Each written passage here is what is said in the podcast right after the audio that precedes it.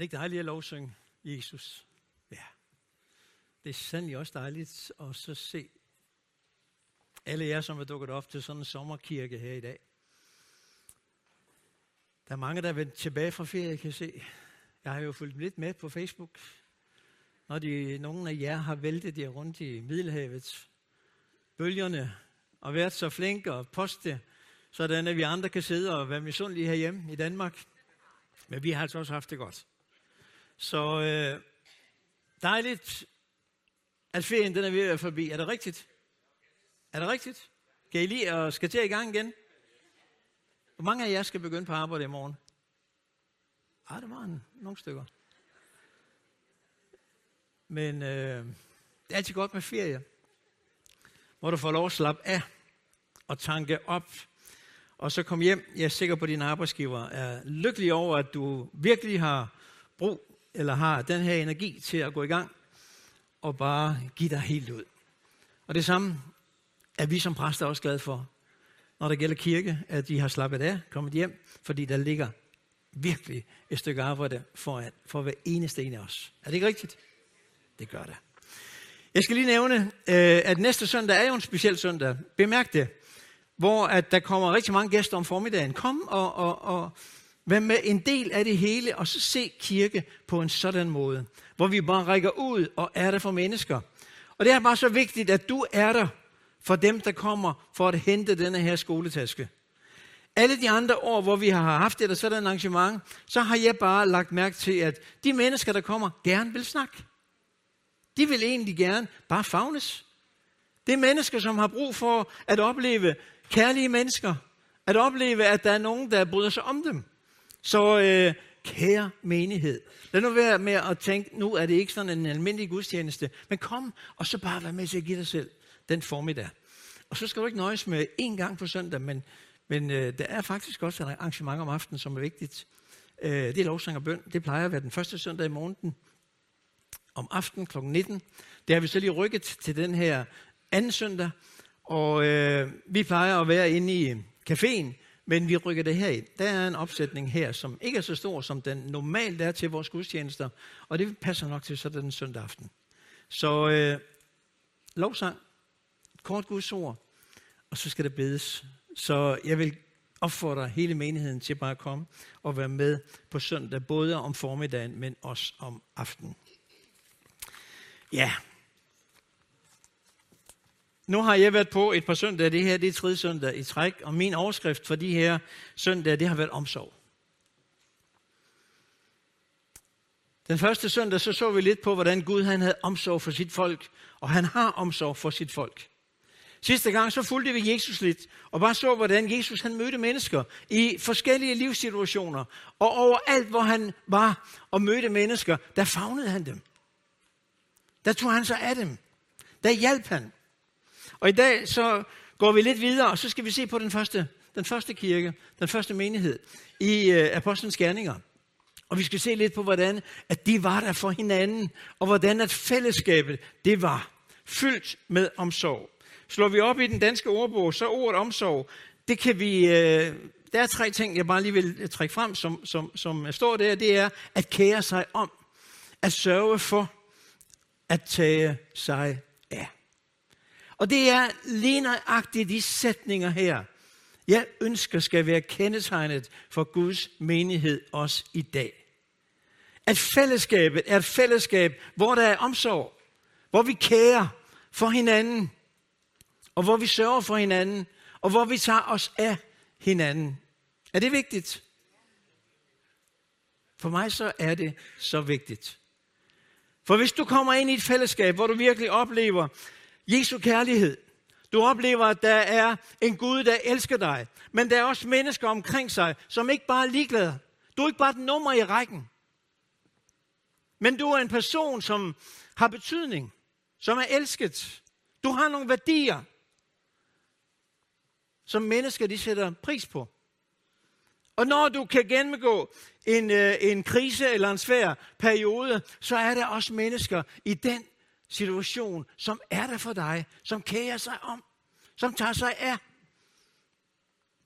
som bare sørger for at være der. Det er sådan et fællesskab, jeg elsker. Sådan er det kristne fællesskab. Sådan er Guds kirke. Guds kirke er ikke bare en forening. Det er ikke bare noget, man melder sig ind i, og så er man medlem nummer 420 eller et eller andet. Men det er meget, meget mere end det. Guds menighed, den består af mennesker, ufuldkommende mennesker, men mennesker, som har mødt Jesus. Mennesker, som har oplevet en forvandling.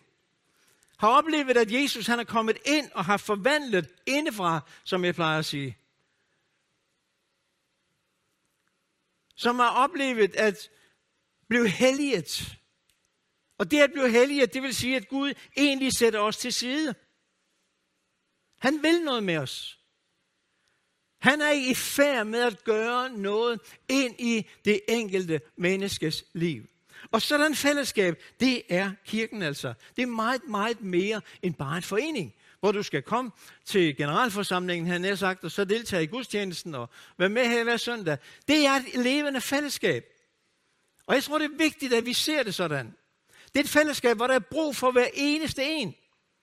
Der er ingen tilskuere, der bare skal sidde på bænken og så sige, Nå ja, det er dejligt at se alle de andre i gang. Vi skal alle være i gang. Der er brug for hver eneste en af os. På den ene eller den anden måde. Vi har forskellige opgaver, forskellige tjenester. Vi er så forskellige som mennesker. Men jeg tror, det er vigtigt, at vi bare ser, at kærligheden, omsorgen, den er så vigtigt i netop det kristne fællesskab. Vi skal gå til Apostlenes Gerninger, kapitel 2. Og øh, i det kapitel, der læser vi om, hvordan at Jesus han bliver løftet bort. Vi læser om, at øh, før han gjorde det, så lovede han, at han ville sende Helligånden. Og netop i kapitel 2, så er det, vi læser om, at Helligånden kommer og tager bolig i disciplene. Der skete noget på pinsedag. Peter, han var den, en af dem, som fik lov til at opleve det her.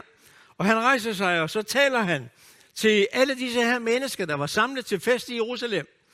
Og så taler han om Jesus, som var blevet korsfæstet, og han, han, han, han lukker evangeliet op.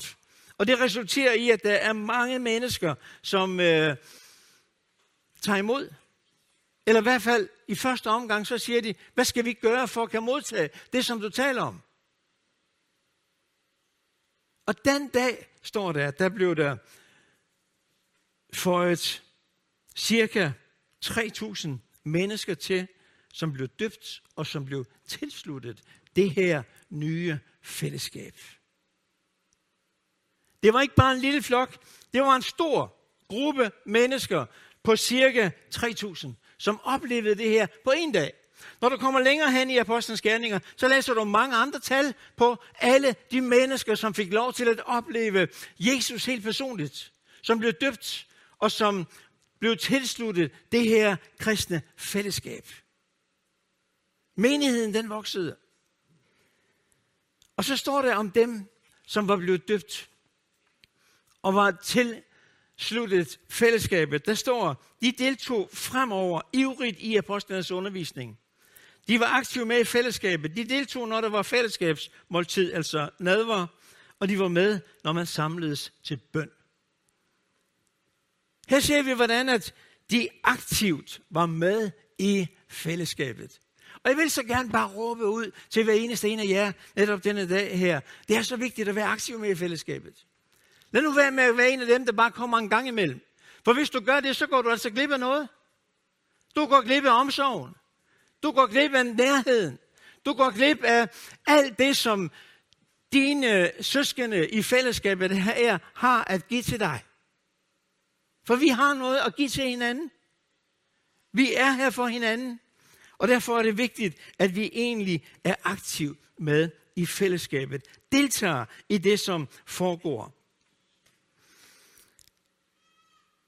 Der står i Apostlenes Gerning kapitel 2, når vi kommer lidt længere hen øh, i vers 44, der står sådan her, at de, som kom til tro, de holdt sig sammen, og de havde alle ting fælles.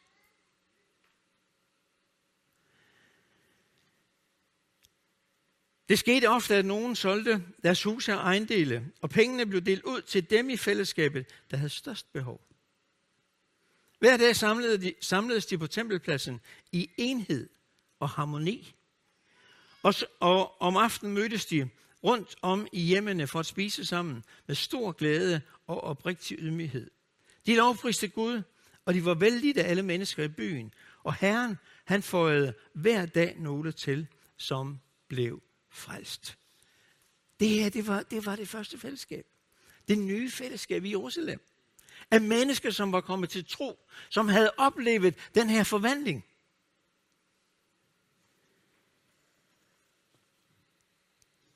De havde alle ting fælles.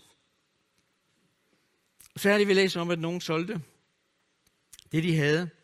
Og de penge, som kom ind, det blev delt ud til dem i fællesskabet, som havde størst behov. Her ser vi, hvordan fællesskabet det var der. Ud i mindste, øh, i alle forskellige kriser. Lige nøjagtigt det her, det vil vi have en lille smule svært ved i dagens Danmark i dag, på grund af skattevæsenet. Vi øh, har faktisk øh, ofte, når vi ved, at der er mennesker, som, som egentlig står i en økonomisk situation, haft problemer, fordi vi ved, at går vi som kirke ind og giver et beløb, så skal de betale skat af det. Og hvis det er mennesker, som er på øh, overførselsindkomst, så går det også ind og ødelægger en hel masse der. Det er egentlig en utrolig svær del, lige det med økonomien i dag, hvor at vi kan være med. Men jeg tror bare, det er vigtigt, at vi ikke kun tænker på os selv, men at vi hele tiden har øjnene øh, åbne for, hvor er det, at vi kan hjælpe? Hvor er det, at vi kan træde til? Hvem er det, som virkelig behøver? Det var sådan, at det første fællesskab, det var.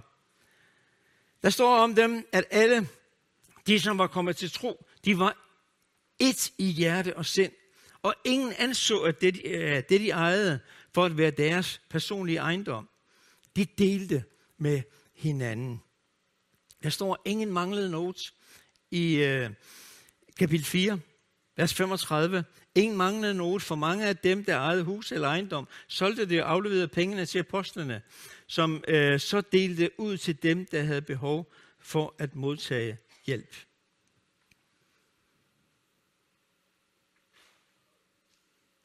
Jeg elsker at læse netop om det fællesskab her. Om den første menighed. Og hvor er det bare vigtigt, at vi som menighed har øjne for hinanden. Hvor er der nogen, jeg kan hjælpe? Og det er det, jeg egentlig gerne vil fortsætte med at tale om i dag. Apostlenes Gerning, kapitel 6, vi skal ikke gå ind i det kapitel, men der læser vi egentlig om menighedstjenerne, som kom til, som man udvalgte. Fordi at apostlene, de kunne ikke helt være med omkring maduddelingen og alle de her ting, der var. Der gik en lidt smule koks i det hele, og så er det, at de blev enige om, at vi udvælger nogen. Sådan, at der er flere om opgaven, flere til netop at række ud og hjælpe. Og jeg har egentlig lyst til at sige, at vi som kirke, vi vokser. Vi som kirke, vi oplever, at der er mange mennesker, der kommer til tro. At der er, vi har budt rigtig mange velkommen. Og hvor er det bare vigtigt i en situation som denne her, at omsorgen den følger med. For alle. Ikke kun for de nye.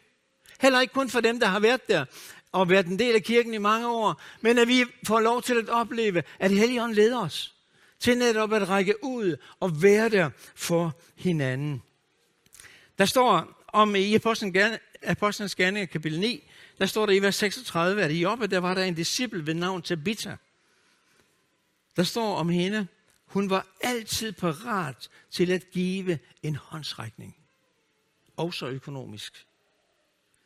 Gid, at det må siges om hver eneste en af os. Tabitha. Hendes navn, det blev altså lige nævnt her. Fordi hun var en af dem, der altid var parat til at hjælpe. Hun var en af dem, der ikke bare tænkte på sig selv, men hun var der og egentlig rækkede ud og bare hjælp. Der står også økonomisk. Så det var på egentlig alle områder. Der var ingen begrænsninger. Men sådan, en, eller sådan øh, nogle tabitager har vi virkelig brug for netop i Guds kirke. På et tidspunkt, så læser vi om, at kong Herodes, han øh, forfulgte og mishandlede øh, nogen fra menigheden i Jerusalem. Han lod blandt andet øh, Jakob, Johannes' bror, halshugge. Og han mærkede, at det egentlig var noget, folket godt kunne lide. Og så derfor så øh, lod han Peter arrestere. og kastede ham i fangehullet. Og i den forbindelse så står der, at mens Peter, han var stærkt bevogtet i fængslet, så bad menigheden inderligt og vedvarende for ham. Her ser vi, hvordan at en af lederne, eller skal vi bare sige en fra kirken, der øh, oplevede krise, en stor krise. Jakob, han var altså lige blevet halshugget. Nu var det Peters tur. Han sad der i fangehullet. Men hvad, hvad gjorde menigheden? Der står, at mens han var stærkt bevogtet i fængslet, så bad menigheden inderligt og vedvarende for ham. Igen, omsorgen den var der. Man vidste, hvad det var, der var sket. Man vidste, hvad der var sket med Jakob. Og i den her situation, så var, så var fællesskabet så stærkt, at man mødtes for netop at bede for Peter. Og jeg har egentlig bare lyst til at sige, at, at øh, bøn, det er jo ikke bare noget, vi gør sådan for sjovt. Men når vi beder, så sker der noget. Og det vidste menigheden. Det havde de oplevet. Det at bede for hinanden. Det at omslutte mennesker i forbøn. Det, det har en utrolig stor kraft. Fordi vi har mænd levende Gud at gøre. Miraklernes Gud. Og mirakler, det er altså vores tid.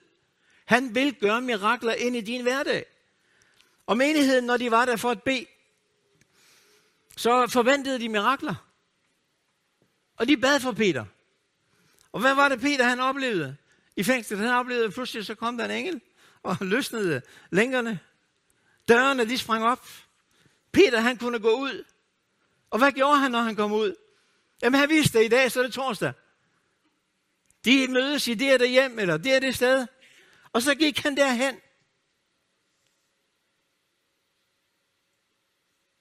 Så bankede han på.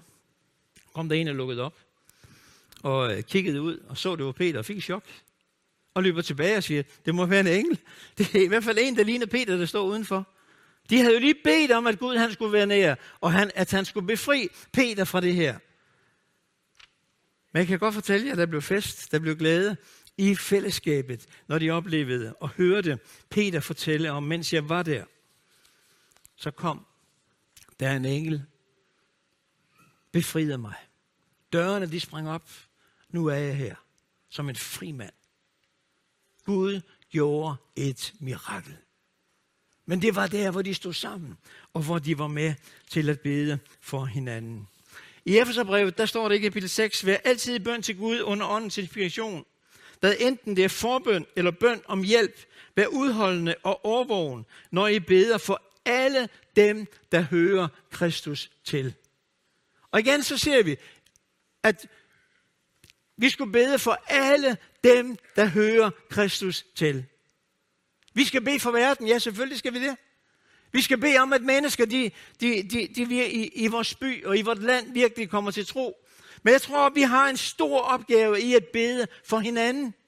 Og når vi gør det, så vil Herren inspirere os til at bede ud i alle andre kroge af vores samfund for mennesker. Men jeg tror egentlig, det er vigtigt, at du og jeg, vi tænker på fællesskabet. At vi er der for hinanden i fællesskabet. Også når det gælder det at bede for hinanden. Ja, øh, til alle vores gudstjenester, så har vi forbøn. Og det vil vi også have i dag. Hvor det vil være forbedre op i hver side, og hvor at du har mulighed for at gå op og få lov til at opleve en håndspålæggelse, at der er mennesker, der beder for dig lige ind i din situation.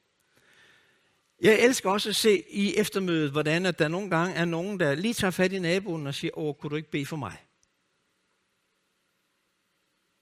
Det kan være, at man ikke lige har lyst til at gå frem, og en situation, den egentlig er sådan, at det er ikke lige det, jeg skal i dag. Men det er lige at tage fat i en, og så sige, vil du bede for mig? Jeg tror, det er en frimodighed, vi skal have. Fordi vi alle er og kommer i situationer, hvor vi bare har brug for det her, den her nærhed, og hvor vi har brug for netop at bede for hinanden. Jeg husker for nogle år siden, hvor jeg, jeg gennemgik en krise, øh, og, og der var en søndag formiddag, hvor jeg var meget fokuseret på, på, på en helt bestemt ting. Jeg tror egentlig ikke, jeg fik så meget ud af prædiken den dag. Fordi der var noget, som, som, som optog mine tanker, og som øh, bare gjorde, at ah, jeg synes, det var svært. Efter mødes, så øh, øh, kommer der en og snakker med mig. Det var en i Lone Brugs, som øh, pludselig står foran mig, og så siger hun, Carsten, hvordan har du det? Og øh, det var sådan en, et af de øjeblikke, hvor jeg tænkte, nu smider jeg kortene på bordet. Øh, det burde vi jo egentlig altid gøre. Og så sagde jeg til hende, ja, det er elendigt. Hvorfor? Og så nævnte jeg lige konkret, hvad det var, jeg gik og tumlede med. Og øh, så sagde Lone, det skal vi bede om. Og så sagde hun, kom med mig, stod mig i hånden, og så gik vi ind i salen. Vi stod ellers ude i forjen inde i Samsøgade.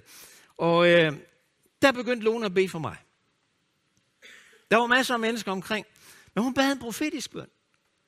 Hun bad en bøn lige ind i min situation. Ud fra de få ord, jeg egentlig havde nævnt. Og ved hvad, når jeg gik derfra, så var mit billede af den situation, jeg var i, det var ændret. Og det, som jeg frygtede, det, som jeg vidste, jeg skulle i gang med, jeg tænkte, ah, jeg orker det ikke, det var pludselig vendt. Og så kunne jeg egentlig tænke, det er ikke sådan, det bliver. Det bliver sådan her. Hvorfor? Fordi Lone, hun bad en profetisk bøn, der bare åbnede mine øjne. Prædiken, den gjorde det egentlig ikke. Heller ikke knuseren, jeg fik ved døren. Men der var bare et nærhed. Der var bare et menneske, der var interesseret i mig. Der var et menneske, der tænkte, Karsten skal ikke gennemgå det her. Det er noget helt andet Gud, han vil ind i hans liv. Og så bad hun. Og ved du hvad, jeg tror, vi, vi, vi skal være meget mere åbne for bønden for hinanden i fællesskabet, hvor vi bare er der for hinanden. Jeg husker en gang i, i, øh, i en kirke, hvor jeg, var, hvor jeg var præst, hvor der var en, der hed Valborg, som øh, en dag gik ned i byen og handlede. Og øh, mens hun gik der, så, I kender ikke hende, men hun var sådan en person, der altid gik og bad. Hun, øh, hun, øh, hun var en omsorgsperson. Hun var en, der bare var der for mennesker. Senere så fortæller hun mig, jeg gik ind og bad for en, der hedder Asta. Fordi jeg tænkte, hun er, hun er ældre, det er en, en ældre dame, hun har det svært. Og så gik hun og bad for Asta. Og pludselig, så oplever hun bare, jamen, Valborg, du skal tage op til Asta. Og det gjorde hun. Og når hun kom op til Asta, så var døren lukket. Hun kunne ikke komme ind. Hun ringede på, der skete ingenting. Kiggede ind ad brevsprækken, og der så hun, at Asta hun lå på gulvet indenfor. Asta hun var, var faldet til en ældre dame, brækket lårbenet, kunne ikke, uh, kunne ikke komme op. Og når hun lå der, så bad hun en bøn. Det er, Jesus, send Valborg op til mig. Fordi Valborg var en af dem, der tog rundt og besøgte mennesker, bad for mennesker. Send Valborg op til mig. Og Valborg, hun gik altså ned i byen, blev mindet om Asta og bad for hende, og fik det sådan, jeg skal tage det op. De fik fat i en låsesmed, hun kom ind. Asta kom på sygehuset og, og, og fik hjælp. Det her, det er omsorg. Det her, det er et fællesskab. Hvor man ikke bare er et nummer i rækken, men hvor der er nogen, der er der for en. Og hvor man bare er klar over, åh, det nytter at bede, og det nytter, at vi som fællesskab er med til at bede for hinanden. Og her er det jo så fantastisk efter pinsedag, efter Helligånden. Dig, som har oplevet Helligånden ind i dit liv. Det er jo egentlig så vigtigt, fordi Helligånden kan komme og inspirere dig. Helligånden kan komme og minde dig om ting, du skal gøre. Om nogen, du skal øh, på en speciel måde øh, øh, være der for. Jamen, jeg tror på det her. Jeg tror på det. Hvis vi er åbne, vi kan godt leve livet derude af i fuld fart og overhovedet ikke tænke på det. Men hvis du hver eneste dag siger, Jesus led mig. Jeg har en kone, som, øh, Rie, som, som jeg har altid beundret hende, fordi jeg også nogle gange irriteret mig over det. Fordi åh, hun kan føle så meget. Kender I de personer, der kan føle så mange ting? Og jeg tænker, ah, hold nu op. Tag det nu lige lidt med ro. Men hun er en af de personer, som igen og igen og igen, hun kan stå op en morgen, og så siger hun, åh, jeg har en drøm i nat, eller jeg tror, vi skal gøre sådan i dag. Der er en her, der har brug for. Det er ikke noget, hun skildrer en hel masse med. Men igen og igen, så er hun der bare. Og pludselig så kommer hun hjem, og så siger hun, åh, jeg var lige forbi, fordi Herren mindede mig om, og jeg fik lige lov til at... Er det ikke fantastisk? følelser. Jeg tror, det er Helligånden, der inspirerer. Jeg tror, det er Helligånden, der taler. Jeg tror, det er Helligånden, der ligger noget på vores hjerter. i 1. Korintherbrev, kapitel 12, der vil jeg gerne have, at vi lige skal læse øh, ganske lidt. Der står sådan her fra vers 25, i vers 25 og 26, der står, de enkelte dele af lægemet skal have lige så meget omsorg for hinanden, som de har for sig selv. Hvis en, en del lider, så lider alle de andre lægemsdele også. Og hvis en øh, del bliver hedret, så glæder alle de andre dele på lægemet sig også. Og så står der sådan her, I udgør altså til sammen Kristi lægeme, men hver for sig er I kun en del af det. Lemmer på samme lægeme. Vi er lemmer på samme lægeme som et kristen fællesskab. Hvis en del lider, så lider alle de andre lægemsdele. Sådan burde det egentlig være i det kristne fællesskab. Da Peter han blev fængslet, så mærkede hele fællesskabet det det, og man samledes for at bede. Hvor er det vigtigt, at vi har den her omsorg for hinanden. For nogle år siden, så, øh, så renoverede vi et hus, Rig og jeg. Og øh, i den forbindelse, så fra vores soveværelse og ind til vores badeværelse, der er der sådan lige en et, sådan en mellemgang. Og så er der sådan et loft ovenpå der. Og jeg ved ikke, hvor mange af jer, der har prøvet at renovere et hus, det, det er ikke altid, når man selv går og gør det, at det sådan lige bliver færdigt, og alting bare lige er færdigt til et tidspunkt. Øh, og der skulle lave sådan en stige, en, en, ja, en stige op til det her loft, den blev jo aldrig rigtig lavet. Den er lavet nu. Men øh, jeg havde sådan en anden sti til at stå, en stor klods jernsti, jernsti til at stå. Og øh, en nat, hvor jeg skulle op på toilettet, og fra soveværelset min seng ud på badeværelset, så øh, vedkommende, der havde været oppe her, ikke lige sat den her stige helt ind. Så når jeg i søvne falmer, eller fumler mig frem for at komme ud på toilettet, så støder min, min øh, stortog ind i den her stige. Er nogen af jer, der har både brækket en tog? Ah, det gør ondt. Og så midt om natten, Rig hun lå og sov. Og det gjorde simpelthen så ondt. Og jeg kunne jo ikke bare skrige, som jeg normalt plejer at gøre, når noget gør ondt. Fordi jeg tænkte, så vækker jeg jo Rie. Så jeg finder pludselig mig selv siddende på gulvet. Og med alle mine tommelfingre havde alt samlet sig omkring den her tog, som bare gjorde ondt. Og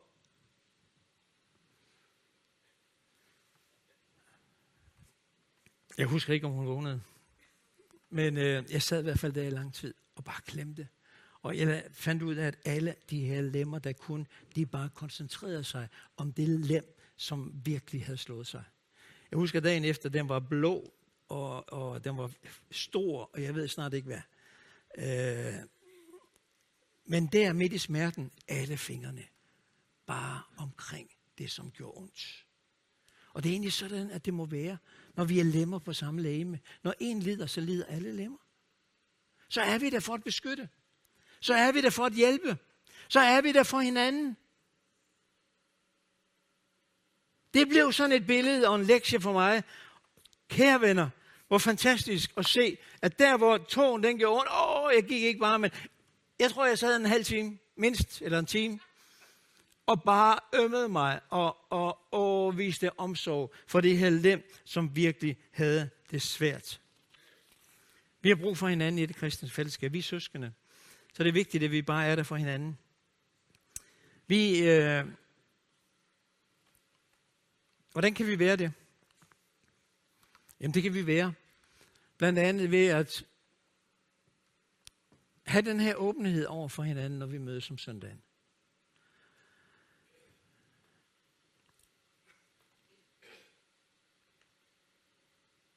Ved I hvad? Hvis der er en, der kommer og hilser på mig en søndag her, og slet ikke har øjenkontakt med mig, men bare kigger på alt andet, og så siger, hej Karsten, det betyder egentlig ikke så meget for mig. Nå jo, men hilser, det er godt. Men at møde et menneske, der kigger mig ind i øjnene, som bare er der, som spørger Karsten, hvordan går det? Jeg husker, da vi, vi boede i USA et år, øh, for efterhånden rigtig mange år siden. Og jeg husker, når vi kom derover, det, vi, det, det var så anderledes end det, vi kom fra i Danmark, fordi alle mennesker, de spurgte, hvordan vi havde det.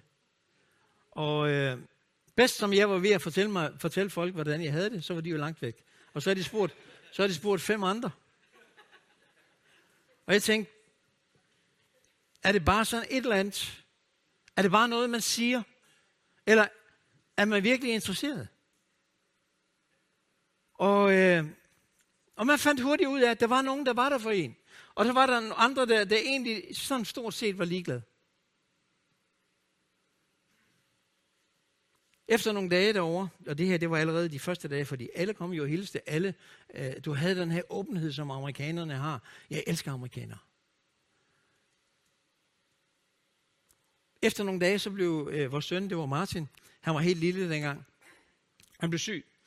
Og øh, hvad, hvad gør man lige, når man står med en dreng, som skriger på, at han havde fået noget mellemøstbetændelse eller noget, der var jo aircondition, og alle de her ting var vi ikke vant til. Og så skulle vi jo have fat i en læge, og hvad gør du egentlig lige? Og jeg husker, at, at jeg siger til Rie, okay, hvem kender vi på skolen her? Hvem, øh, hvem har hilst på os og virkelig været interesseret i os? Og ikke bare dem, som hilste og var væk. Og så blev vi enige om, åh, oh, der var et ægtepar der. De, de var interesserede, og så gik vi og bankede på deres dør. Og så siger vi, kan I hjælpe os, fordi vi skal have fat i en læge.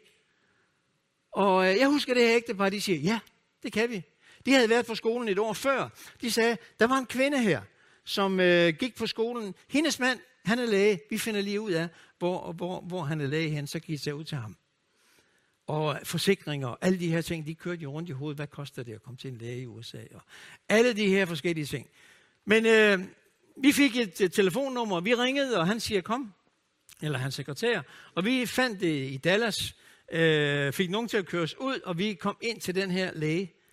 Og øh, når vi kom ind til ham, og han tog hånd om, om, om Martin, og, og, og, og han fik noget. Ja, det der skulle til for, at det her det, det, det øh, ligesom blev bedre. Så sig, kigger han på os, og så siger han, vi hvad? Jeg er, ikke en, jeg er ikke en kristen, sådan en personlig kristen. Men det er min kone. Min kone har været på den skole, I er på. Og øh, hun har fortalt så meget om den skole. Og hun fik sådan et specielt hjerte for alle øh, de udenlandske studenter, der var der. Og så siger han til mig, hvor lang tid skal I være? Eller han spørger, hvor lang tid skal I være her? Vi siger, at vi skal være her et år. Så siger han, i løbet af det år, uanset hvad der sker, og I har brug for en læge, så er I velkommen. Jeg vil have tid til at tage hånd om jer. Jeg har en del medicin. Alt det, jeg har hjemme her, det får I kvitterfrit. I kan bare komme. Det koster ingenting. Og jeg husker, at vi stod i den her situation. Fantastisk. Vi fandt aldrig ud af, hvad en læge kostede i USA. Fordi vi oplevede jo, at der var en, der sagde, og hvorfor? Jamen, han var ikke selv en del af det fællesskab, men det var hans kone. Hans kone oplevede bare det her fællesskab på skolen. Oplevede det i en kirke. Havde fået den her kærlighed til mennesker, der havde rejst langt for at komme over og studere. Og det smittede af på ham. Og derfor så, så øh, øh ønskede han egentlig bare at være der som en hjælp. Åh, hvor var det fantastisk. Der var en, jeg ved ikke om der var en 3-4 gange, hvor vi egentlig havde brug for en læge, og vi ringede, og det var nøjagtig samme modtagelse, vi fik hver eneste gang. Hans kone mødte vi aldrig. Men vi mødte bare en person, som var der. Og hvad har vi brug for? At være der for hinanden som fællesskab. Elsk hinanden med en inderlig kærlighed, for kærligheden gør, at mange syndere bliver tilgivet. Afhold jer fra enhver form for bitterhed, hissighed, vredesudbrud, skænderier og hånlige ord, ja alt, hvad der er ondt. Vær venlige og barmhjertige over for hinanden. Tilgiv hinanden, lige som Gud tilgav jer på grund af Kristus. Fortsætter vi hen i Efeserbrevet, så står der, betyder det noget for jer at blive mindet om, hvad Kristus han har gjort for os? at blive trøstet og opmuntret, at opleve åndens fællesskab og at mærke den indbyrdes kærlighed og omsorg. Hvis de ting betyder noget for jer, så gør min glæde fuldkommen ved at praktisere dem. Stå sammen i kærlighed og vær et i sjæl og sind. Gør intet ud af selviske motiver eller personlige ambitioner. Vær ydmyg og se op til hinanden, så I giver andre mere ære end jer selv. Sørg ikke bare for jeres egne behov, men tænk også på de andres. Lad Jesus Kristus være jeres forbillede og efterligne hans indstilling. Er det ikke fantastisk? Er det ikke sådan et fællesskab, du gerne vil være en del af? Er det ikke sådan et fællesskab, du gerne vil invitere andre ind i? Må Jesus virkelig hjælpe os. Så vi oplever, at Gud han har omsorg for os. At vi lærer af Jesus. Lærer af hans øh, forbillede, det eksempel han var. Lærer af, hvordan han mødte mennesker. Og at vi bare møder mennesker på samme måde. Kan godt være, at du sidder og tænker nu, jamen er det ikke verden, vi skal vinde? Du taler jo om det kristne fællesskab. Hvad med dem, som ikke kender Jesus? Jo, vi har en kæmpe opgave som kirke. Jeg tror bare, det er vigtigt, at vi, at vi også nogle gange kigger ind og så, og så tænker, hvad kan vi gøre? Hvad kan jeg gøre for min bror eller min søster? Vi skal nå denne by med evangeliet, og ved hvad? Vi er godt i gang. Jeg tror faktisk på, at øh, vi er så glade for at være flyttet ud i større rammer. Men ved I hvad? Tidspunktet kommer, hvor det her det bliver for småt. Sommerkirke. Jeg har aldrig været med til så mange øh, til mennesker til sommerkirke som her i formiddag. Og det er ganske enkelt, fordi Jesus han gør noget i menneskers liv. Der sker noget i vores by.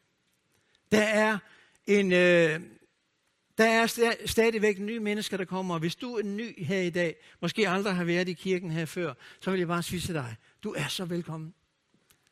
Vi glæder os til at lære dig at kende. Vi glæder os til bare at vise dig, hvem Jesus han er. At vandre sammen med dig og være der for dig. Og det ønsker vi med alle. Og vi er sikre på, at Jesus han rører ved mennesker i vores by.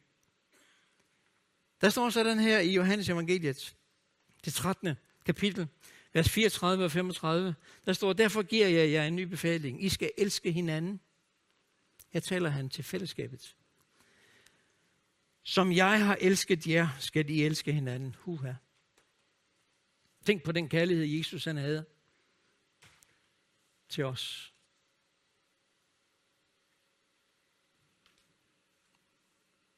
Der er intet, der kan måles med den kærlighed.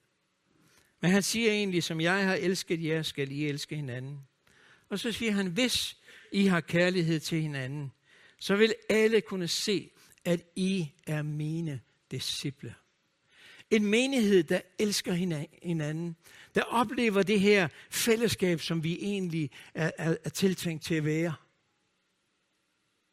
Det vil være et fællesskab, der tiltrækker. Det vil være et fællesskab, hvor mennesker de, de, de kan lide at være.